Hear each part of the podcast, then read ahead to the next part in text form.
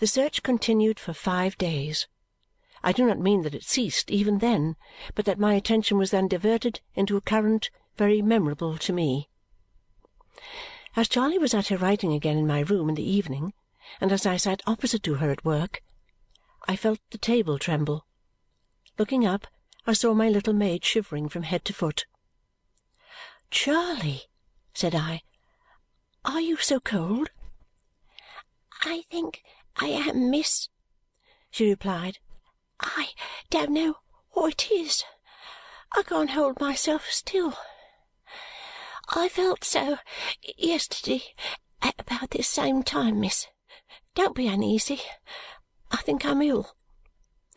I heard Ada's voice outside, and I hurried to the door of communication between my room and our pretty sitting-room and locked it, just in time, for she tapped at it while my hand was yet upon the key.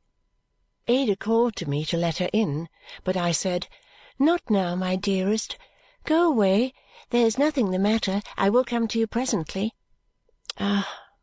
It was a long, long time before my darling girl and I were companions again. Charley fell ill. In twelve hours she was very ill. I moved her to my room, and laid her in my bed, and sat down quietly to nurse her. I told my guardian all about it, and why I felt it was necessary that I should seclude myself, and my reason for not seeing my darling above all.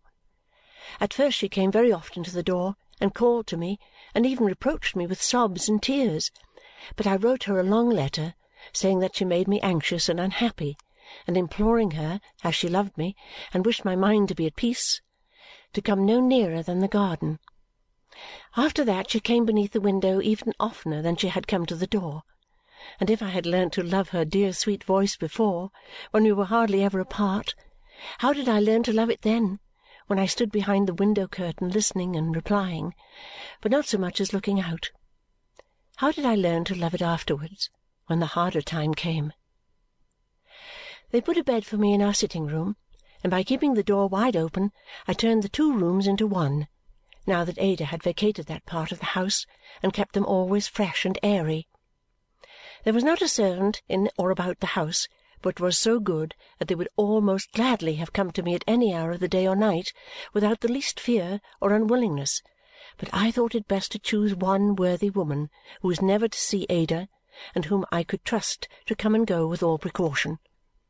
Through her means I got out to take air with my guardian when there was no fear of meeting Ada, and wanted for nothing in the way of attendance any more than in any other respect. And thus poor Charley sickened, and grew worse, and fell into heavy danger of death, and lay severely ill for many a long round of day and night. So patient she was! so uncomplaining and inspired by such a gentle fortitude that very often as I sat by Charley, holding her head in my arms, repose would come to her. So when it would come to her in no other attitude, I silently prayed to our Father in heaven that I might not forget the lesson which this little sister taught me. I was very sorrowful to think that Charley's pretty looks would change and be disfigured, even if she recovered. She was such a child with her dimpled face but that thought was, for the greater part, lost in her greater peril. When she was at the worst, and her mind rambled again to the cares of her father's sick bed and the little children, she still knew me so far as that she would be quiet in my arms when she could lie quiet nowhere else, and murmur out the wanderings of her mind less restlessly. At those times I used to think how should I ever tell the two remaining babies that the baby who had learned of her faithful heart to be a mother to them in their need was dead? There were other times when Charley knew me well and talked to me, telling me that she sent her love to Tom and Emma and that she was sure Tom would grow up to be a good man. At those times Charley would speak to me of what she had read to her father, as well as she could to comfort him, of that young man carried out to be buried, who was the only son of his mother and she was a widow, of the ruler's daughter raised up by the gracious hand upon her bed of death. And Charley told me that when her father died, she had kneeled down and prayed in her first sorrow that he likewise might be raised up and given back to his poor children, and that if she should never get better, and should die too, she thought it likely that it might come into Tom's mind to offer the same prayer for her.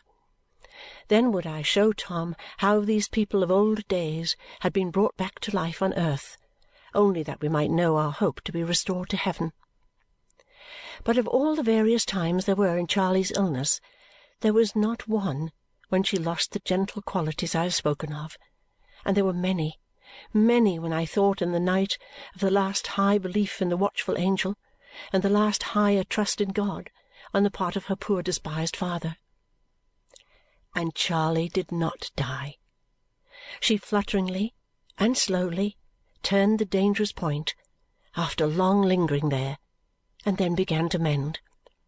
The hope that never had been given, from the first, of Charley being in outward appearance Charley any more, soon began to be encouraged, and even that prospered, and I saw her growing into her old childish likeness again. It was a great morning when I could tell Ada all this as she stood out in the garden, and it was a great evening when Charley and I at last took tea together in the room. But on that same evening I felt that I was stricken cold. Happily for both of us, it was not until Charley was safe in bed again and placidly asleep that I began to think the contagion of her illness was upon me. I had been able easily to hide what I felt at tea time, but I was past that already now, and I knew that I was rapidly following in Charley's steps. I was well enough, however, to be up early in the morning and to return my darling's cheerful blessing from the garden and to talk with her as long as usual. But I was not free from an impression that I had been walking about the two rooms in the night, a little beside myself, though knowing where I was, and I felt confused at times, with a curious sense of fullness, as if I were becoming too large altogether. In the evening I was so much worse that I resolved to prepare Charley, with which view I said, "You're getting quite strong, Charley, are you not?" "Oh, quite!" said Charley. "Strong enough to be told a secret, I think, Charley?" "Oh, quite strong enough for that, miss!" cried Charley. But Charley's face fell in the height of her delight, for she saw the secret in my face, and she came out of the great chair and fell upon my bosom and said, "Oh, miss, it's my doing! It's my doing!" and a great deal more out of the fullness of her grateful heart. "Now, Charley," said I after letting her go on for a little while, "if I am to be ill, my great trust, humanly speaking, is in you, and unless you are as quiet and composed for me as you always were for yourself, you can never fulfil it, Charley." "If you'll let me cry a little longer, miss," said Charley. "Oh, my dear, my dear, if only let me cry a little longer! Oh, my dear!" How affectionately and devotedly she poured this out as she clung to my neck, I never can remember without tears. "I'll be good." So I let Charley cry a little longer, and it did us both good. "Trust in me now, if you please, miss," said Charley quietly. "I am listening to everything you say." "It's very little at present, Charley. I shall tell your doctor to night that I don't think I am well and that you are going to nurse me." For that the poor child thanked me with her whole heart.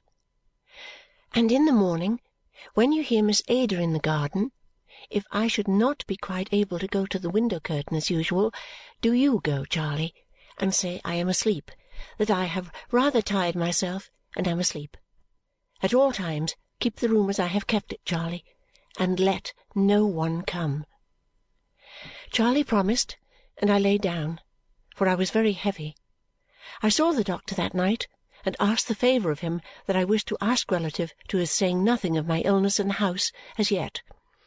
I have a very indistinct remembrance of that night melting into day and of day melting into night again, but I was just able on the first morning to get to the window and speak to my darling.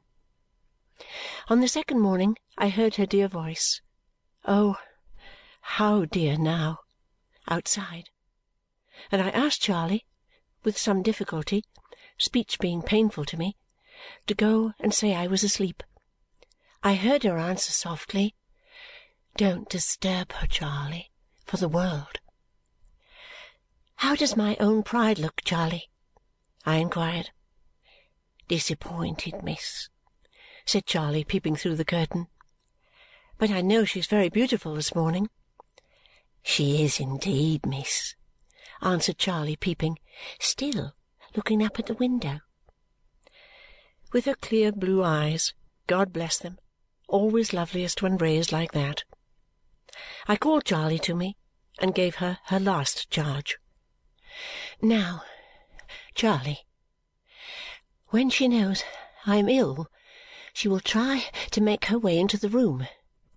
Keep her out, Charley, if you love me truly, to the last.